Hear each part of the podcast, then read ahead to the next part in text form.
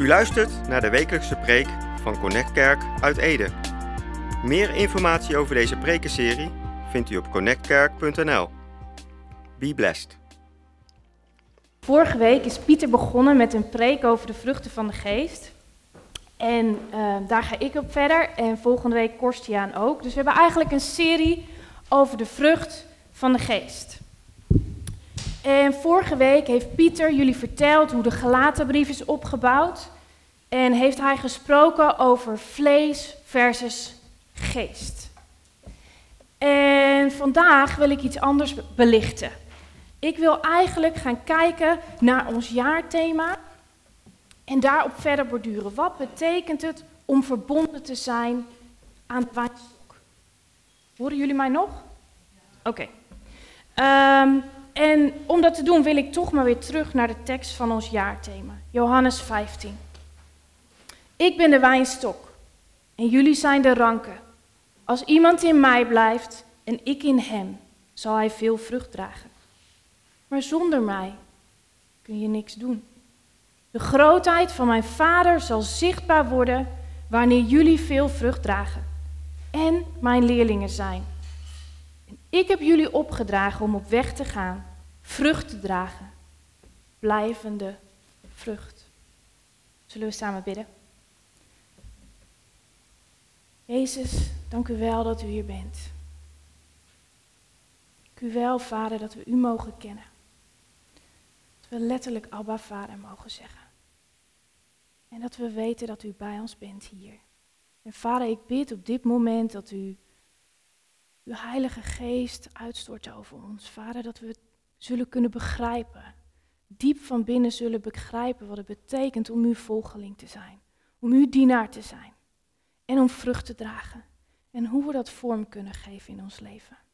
Vader, ik bid dat we door de tijd samen hier gewoon in uw aanwezigheid ja, echt weg mogen gaan en dat we mogen stralen, uit mogen stralen en reflecteren wie u bent.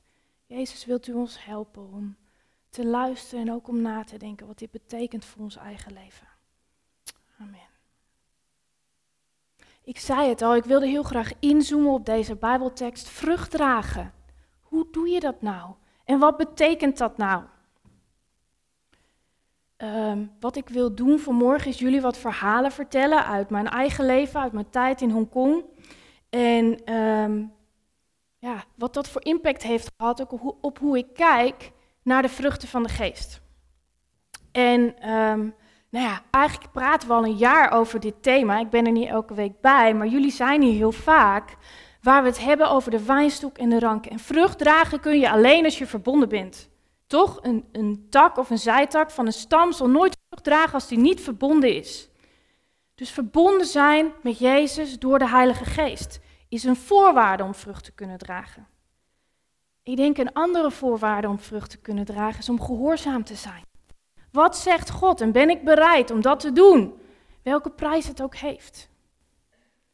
En een ander ding, wat denk ik heel veel te maken heeft met vrucht dragen, is op wie ben ik eigenlijk gefocust? Voor wie is die vrucht aan die boom? Ben je gericht op de ander? Ik denk dat ik daar vooral heel veel over ga zeggen. Ehm, wat ik ook heel mooi vind, is als je kijkt naar de, naar de geest, naar de Heilige Geest, is dat je de diepte van God daarin kan zien. Dat staat in 1 Korinthe 2, vers 10. Want de geest doorgrondt alles, ook de diepte van God. Dus als wij in staat zijn om de Heilige Geest in ons leven ruimte te geven, gaan anderen God zien door ons heen. Dus jij kan God reflecteren in alle dingen die je elke dag doet als Jezus en God de ruimte krijgen. Ik zei net al dat ik op, uh, iets heb geleerd in Hongkong. En ik denk dat er twee manieren zijn om te kijken naar de vrucht van de geest. Ik zal ze nog een keer met jullie lezen. Heeft Pieter vorige week ook al gedaan. Galaten 5, vers 22.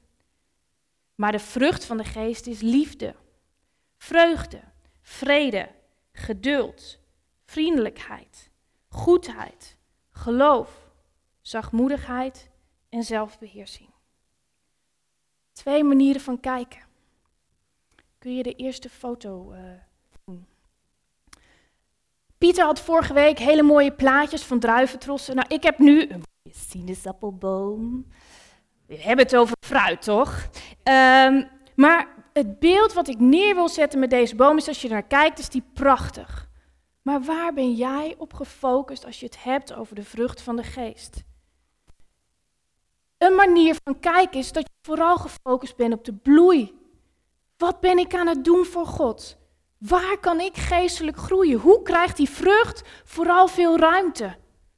Hoe ziet mijn boom eruit?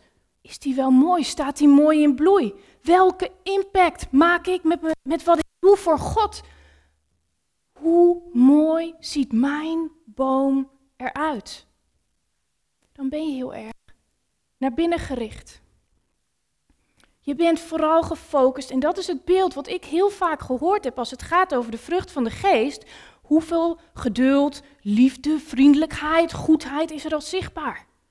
Dan ben je heel erg bezig met een vinklijstje. Nou, ik denk dat ik deze week eh, een beetje gefaald heb in geduld. Dus met, nou, hè, misschien is sinaasappel uit mijn boom gevallen. Of uh, dan ben je vooral bezig met kijken naar jezelf. Terwijl je ook kunt kijken op een andere manier. Mag de volgende foto, Floris? Dit is hoe ik me meer gevoeld heb in Hongkong. Die boom, die ziet er eigenlijk helemaal niet zo mooi uit. Die is aan het eind van de, of het is aan de herfst, de vrucht is klaar. Maar die boom ziet er eigenlijk helemaal niet zo mooi uit. Ik ga er zo wat meer over vertellen. Maar dit is denk ik het andere perspectief. Hoe je naar vrucht kunt kijken. Wat doet Jezus door me heen? Niet wat doe ik voor God, maar wat doet Jezus door mij? Als je dat echt pakt, maakt het eigenlijk helemaal niet zoveel uit wat je doet. Dan ga je zien waar anderen Gods karakter in jou zien, of dan hoor je dat.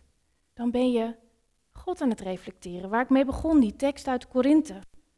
Dan ben je veel meer naar buiten gericht dan heeft het letterlijk vrucht. Het gaat die druiventros uiteindelijk helemaal niet hoe mooi die er zelf uitziet, maar het gaat erom hoe goed die druiven zijn.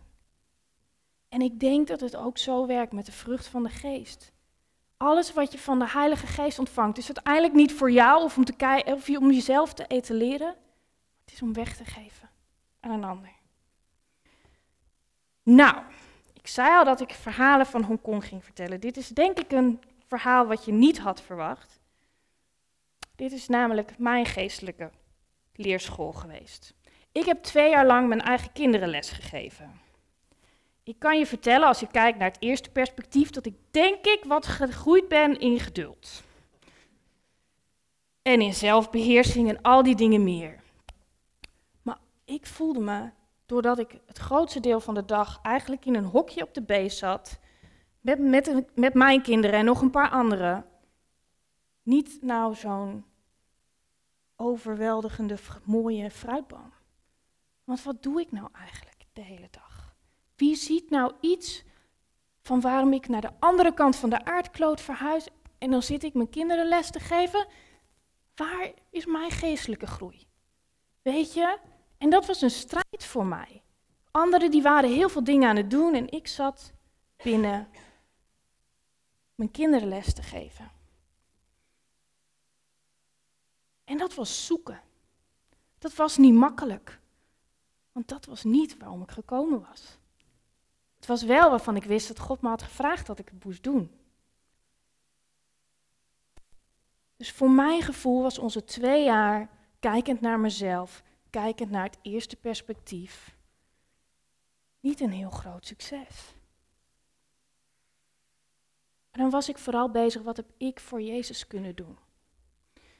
In plaats van, wat deed Jezus door mij heen? En dat laatste is me eigenlijk pas duidelijk geworden. En dat is eigenlijk best heel triest toen we weggingen.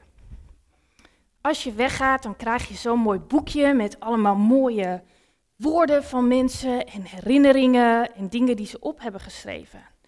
En er stonden dingen in als, ik heb zoveel geleerd van hoe jullie gezin waren samen. Ik heb zoveel geleerd van hoe jullie je kinderen opvoeden.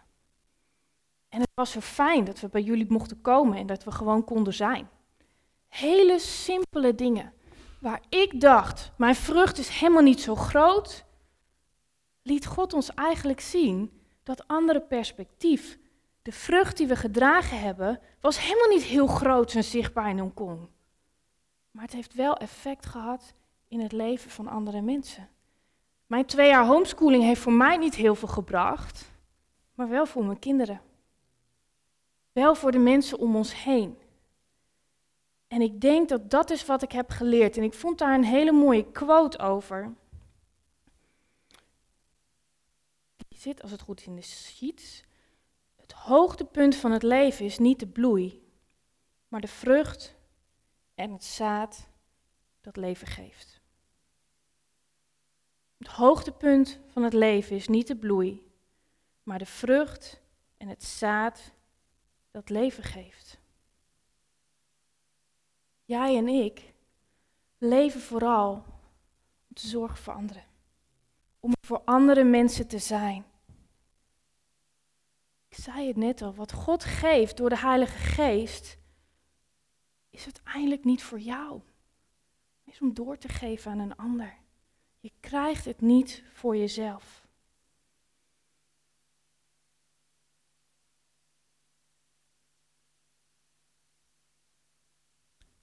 Weer terug naar het voorbeeld van homeschooling. Als ik naar mezelf keek, naar mijn innerlijke strijd, dan zag ik helemaal geen vrucht.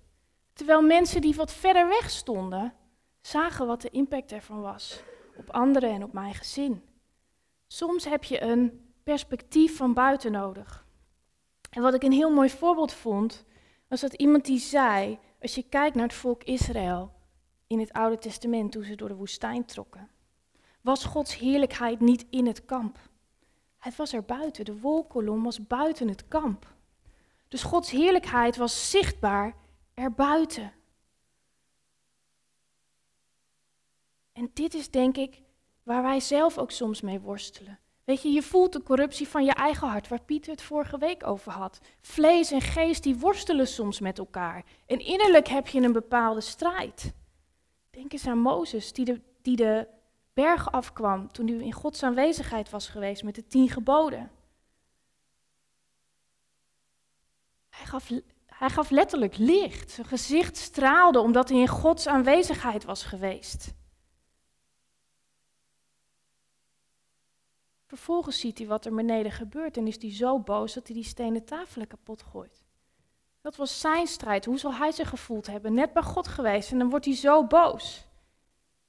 Dat gebeurde in hem, maar het volk zag nog steeds Gods aanwezigheid. Zag nog steeds wat er wel gebeurd was. Weet je, en daar wil ik je mee bemoedigen. Soms zit je zelf te dicht op je eigen proces. Je voelt je eigen strijd. Maar Gods heerlijkheid is door jou zichtbaar. Buiten het kamp. Gods heerlijkheid is door jou heen wel zichtbaar. Oké, maar hoe weet ik dan dat ik geestelijk groei? Hoe is dat dan tastbaar te maken voor mij. Dit is een mooi verhaal, maar hoe zie ik nou dat er geestelijke groei is in mijn leven? Ik denk dat je kunt zien en wat je in staat bent om bij te dragen aan het leven van anderen, dat dat toevoegt. Geestelijke volwassenheid kun je meten aan wat je bijdraagt aan het leven van een ander. Weet je, deze preek zegt helemaal niks over mijn geestelijkheid. Hoe ik met mijn kinderen omga. Hoe ik in de auto zit. Hoe je naar je werk gaat. Welke ruimte krijgt Jezus of krijgt God, de Heilige Geest, om door jou heen te werken? Geestelijke volwassenheid kun je meten aan wat je bijdraagt en toevoegt aan het leven van anderen. Dat betekent soms dat je vuile handen krijgt. Dat je hard moet werken. Je anderen toestaat om te genieten terwijl je jezelf wegcijfert.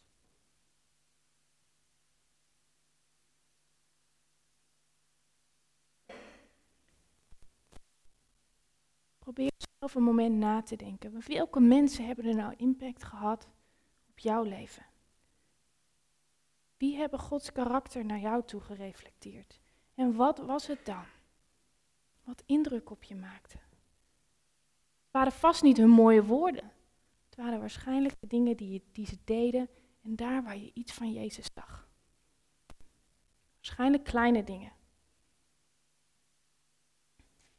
Maar hetzelfde geldt voor jou.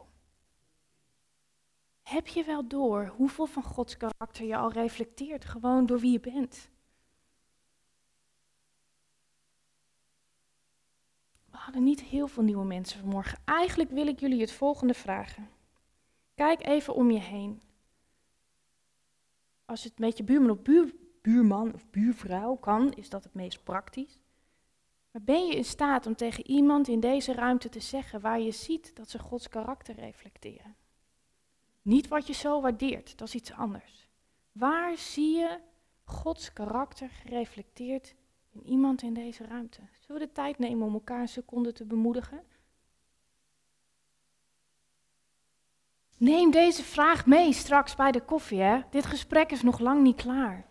Dit is zo bemoedigend heel vaak Wie voelt zich bemoedigd door wat hij net gehoord heeft? Iemand? Oh, gelukkig, gelukkig. Dit is dat waar ik het net over had. Hè? Vaak heb je het zelf niet eens door, maar wordt het zichtbaar buiten het kamp. Dan is het zo goed om elkaar te bemoedigen en dit tegen elkaar te zeggen. Ik zie daar en daar Gods karakter. Tot nu toe heb ik het vooral gehad over twee perspectieven. Even een korte samenvatting. Met welk, op welke manier kijk jij naar de vrucht van de geest? Hoe geestelijk ben ik? Hoeveel heb ik al ontvangen? Waar kan ik groeien? Dan ben je vooral naar binnen gericht. Of kijk je met het perspectief van, maakt eigenlijk niet zoveel uit wat ik doe. Overal waar ik ben, kan Jezus door mij heen werken. Of ik dan mijn kinderen les geef, aan het vegen ben, aan het opruimen, het maakt niet uit. Jezus werkt door mij heen. Een vriendin van mij die zei op een gegeven moment tegen mij, en dat het hielp me heel erg. Het feit dat je er bent, dat je elke dag door de straat loopt, dat je boodschappen doet, heeft al invloed. En dat is zo. Elke keer dat jij je huis uitstapt, ben je van invloed in iemands leven. Kun je Jezus reflecteren? Ben je in staat om vrucht te dragen voor onze Hemelse Vader?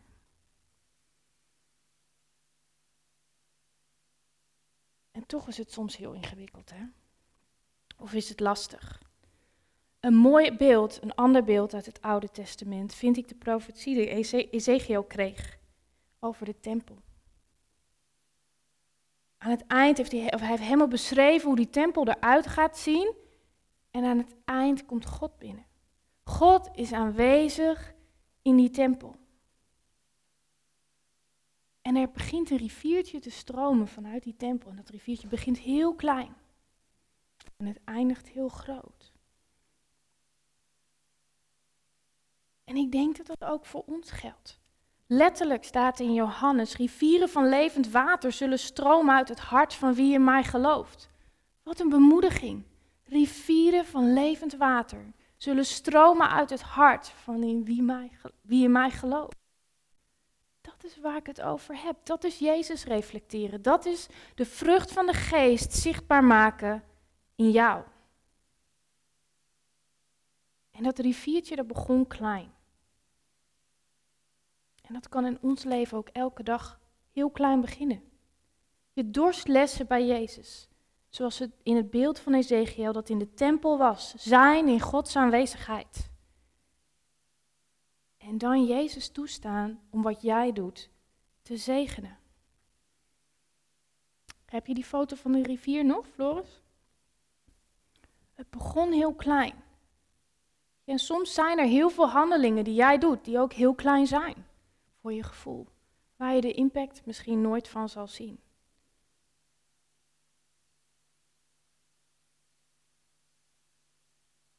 Weet je, hoe belangrijk is dat eigenlijk? Dat jij de impact van je handelen altijd ziet. Dat is een van de lessen die ik heb moeten leren.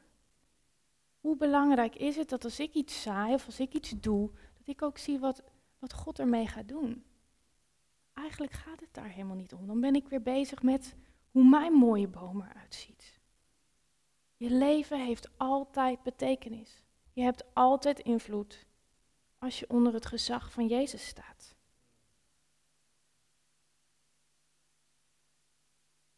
Durf jij een kleine stap te zetten en God te vertrouwen dat die rivier, net als die uit de tempel stroomt, van dat kleine beekje een hele grote diepe rivier werd? Mag de volgende. Is dit wat je kunt pakken? Dat als jij een kleine stap zet en je leven onder het gezag van Jezus zet, dat het impact zal hebben. En dat God verantwoordelijk is voor de vermenigvuldiging en niet jij.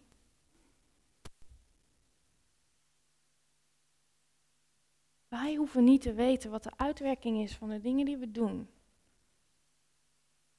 Zolang we de bron van het leven maar kennen. Dat is leven uit geloof. Dat is gaan bewegen en God vertrouwen dat Hij vermenigvuldigt. Vanuit Gods aanwezigheid kun je Jezus reflecteren. Werkt de Heilige Geest door jou heen en wordt Gods karakter door jou heen zichtbaar. Die rivier die wordt groter en rijker en dieper, net als in het beeld van Ezekiel. Sommige dingen die ik gedaan heb, waren in mijn beleving heel klein. Terwijl voor anderen in hun leven waren ze impactvol. Het droeg vrucht zonder dat ik het doorhad. Weet je, ik had het geluk dat mensen het nu voor me opschreven omdat ik wegging. Maar zo gaat het in jouw leven net zo. Zoveel dingen die jij doet op je werk, als je daar elke dag weer naartoe gaat en Jezus uitstraalt, heeft het meer impact, heeft het meer invloed dan jij doorhebt. Vertrouw je God dat die rivier gaat stromen en dat Hij verantwoordelijk is voor de vermenigvuldiging en niet jij?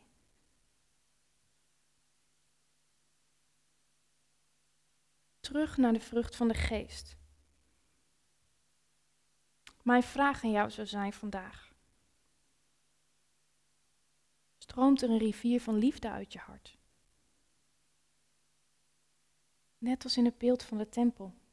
Een rivier van vrede, blijdschap, goedheid, vriendelijkheid, trouw, zachtmoedigheid, geduld en zelfbeheersing. Durf jij te gaan wandelen en God te vertrouwen dat Hij degene is die door jou heen dingen vermenigvuldigt. Ik, voor mij was het een strijd om los te laten dat het niet ging om hoe mooi mijn boom eruit zag, maar dat ik alleen maar bezig kon zijn met wat kan ik zaaien in het leven van een ander.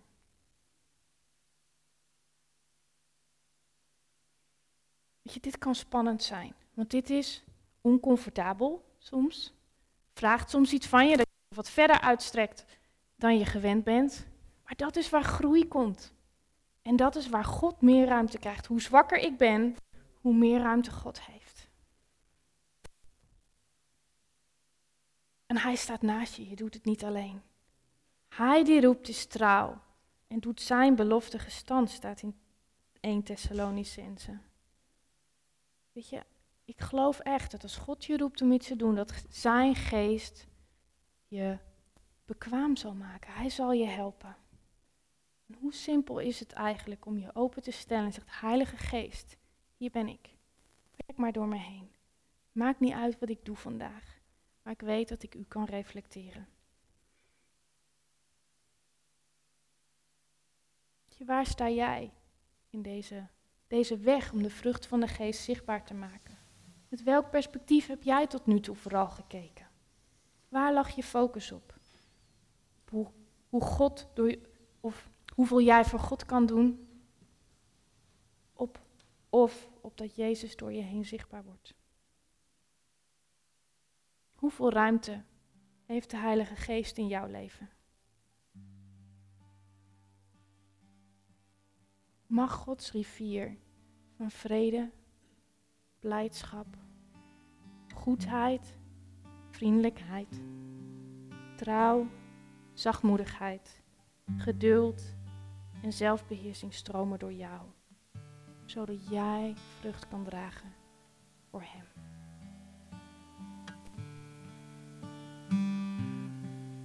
Als dit een worsteling voor je is of als iets je geraakt heeft, ga niet naar buiten. Kom straks naar iemand toe, kom naar mij toe. We willen heel graag voor je bidden. We willen zo graag dat Jezus zichtbaar wordt in Ede en daarbuiten. We hebben elkaar nodig soms om elkaar te bemoedigen. Als dit een worsteling voor je is, kom alsjeblieft naar een van ons toe.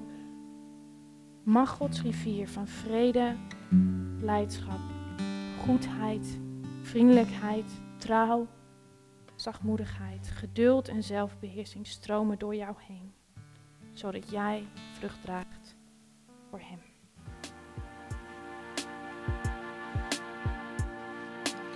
U luisterde naar de wekelijkse preek van Connect Kerk uit Ede. Meer informatie over deze gemeente en alle preken over dit thema vindt u op connectkerk.nl of bezoek onze Facebookpagina. Bedankt voor het luisteren en wees tot zegen.